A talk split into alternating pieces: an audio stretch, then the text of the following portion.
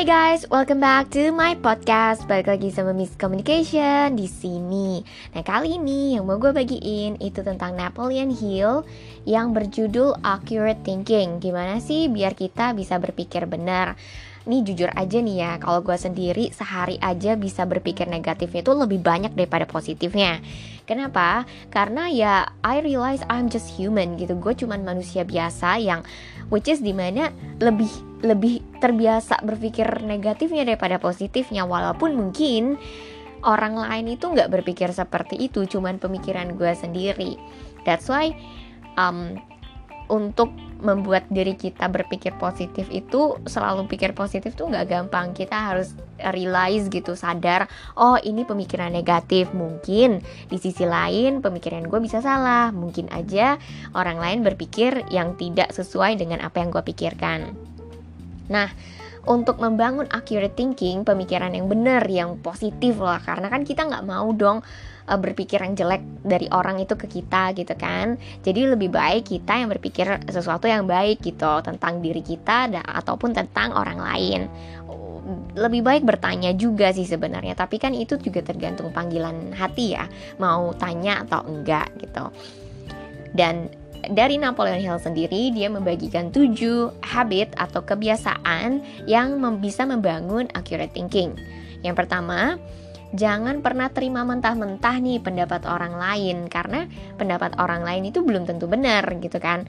Lebih baik periksa dulu pendapat mereka ini based on apa nih? Based on riset kah or based on pengalaman dia yang mungkin kita coba sendiri pengalamannya ternyata bisa salah bisa benar kan. Atau mungkin apa pun lah yang bisa membuktikan bahwa pendapat mereka benar gitu dan membuat ya apa yang menjadi jawaban itu kita telaah dulu sebelum kita yakin oh ini ternyata benar gitu.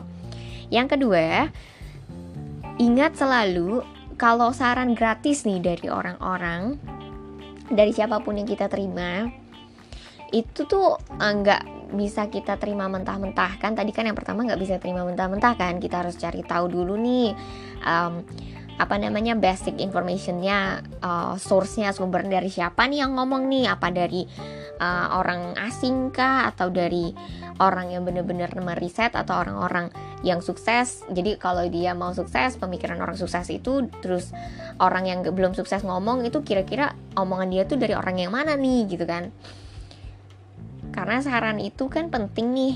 Jadi kita harus execute gitu. Oh ini nggak cocok ini buang ini ambil ini buang ini ambil gitu kan. Dan uh, itu yang bikin kita bisa menelaah berpikir gitu ini benar atau ini nggak benar gitu. Dan secara umum general speaking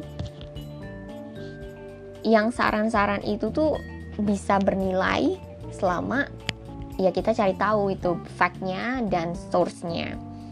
Terus yang ketiga, alert yourself immediately. Um, apa warning lah, kasih warning nih ke diri kita.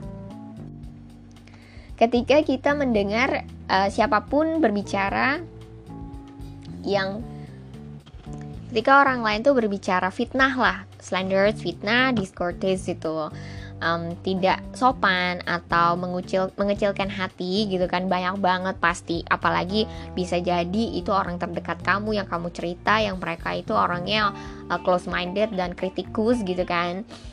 Nah orang-orang seperti ini ya sebenarnya nggak jangan didengar mentah-mentah juga karena itu kan bisa membuat diri kita jadi rendah diri gitu kan. Lebih baik difilter aja omongan dia bener apa enggak di bagian mana yang salah di bagian mana yang kira-kira bisa kita perbaiki dari diri kita.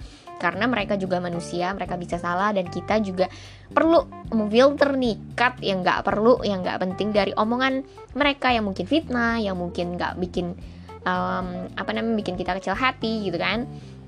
Di cut yang baiknya ambil yang buangnya dibu ah, yang jeleknya dibuang gitu. Walaupun nggak mudah tapi setidaknya bisa membuat kita berpikir lebih baik untuk diri kita sendiri. Karena kan kita menilai diri kita ya bukan orang lain.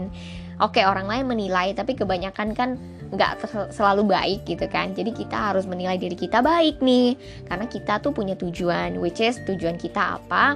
Yang di mana itu bukan hanya untuk diri kita tapi untuk melayani banyak orang.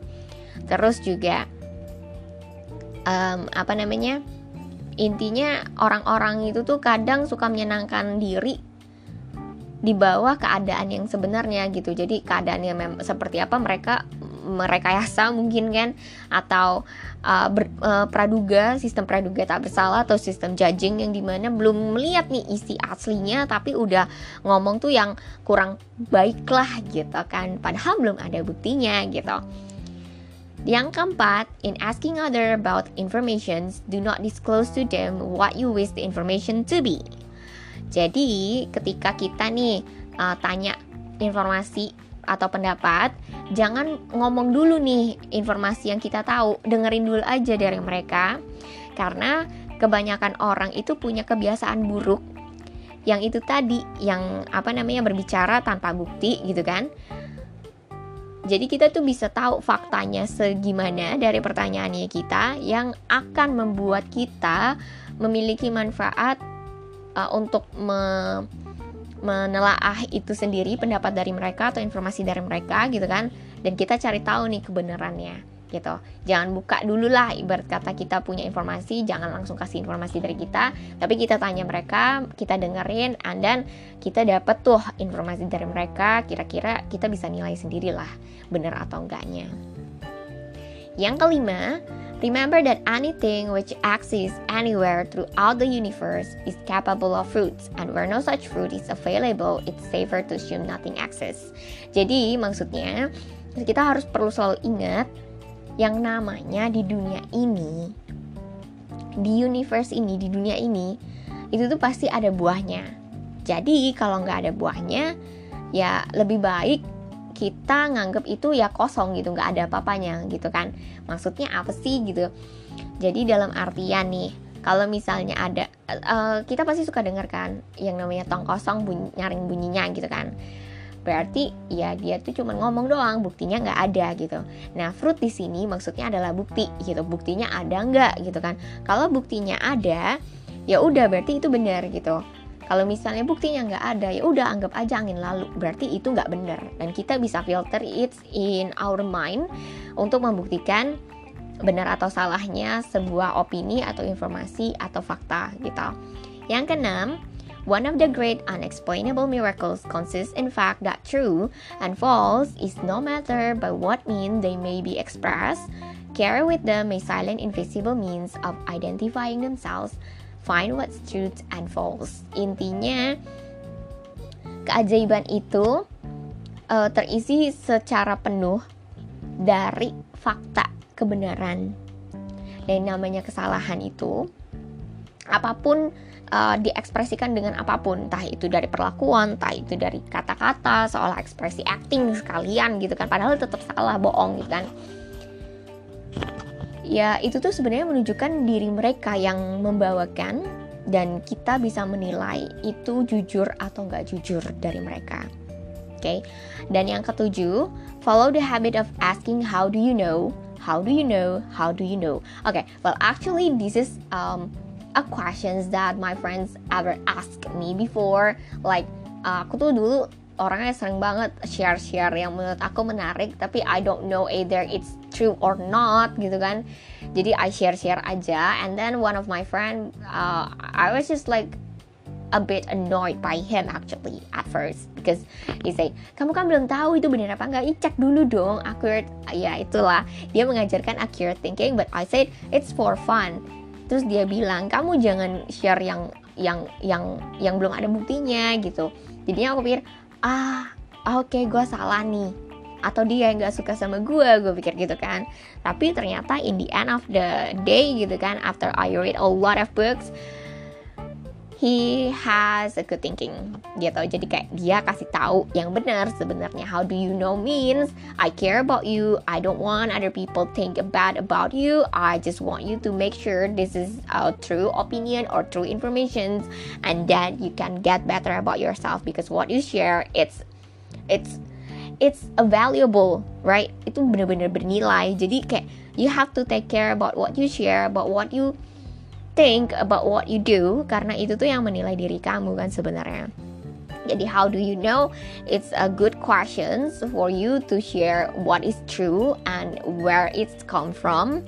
Dari mana asal datangnya itu informasi dan gimana sih kamu bisa mempertanggungjawabkan itu itu bener-bener kayak something yang valuable banget sih buat gue tapi awalnya gue nggak terima gitu kan. Dulu nggak suka sama gue ya gue pikir gitu gitu kan awalnya. Tapi ternyata enggak karena maksudnya adalah how do you know di sini itu untuk membuat accurate thinking yang di mana itu benar-benar akurat lah ibarat katanya gitu.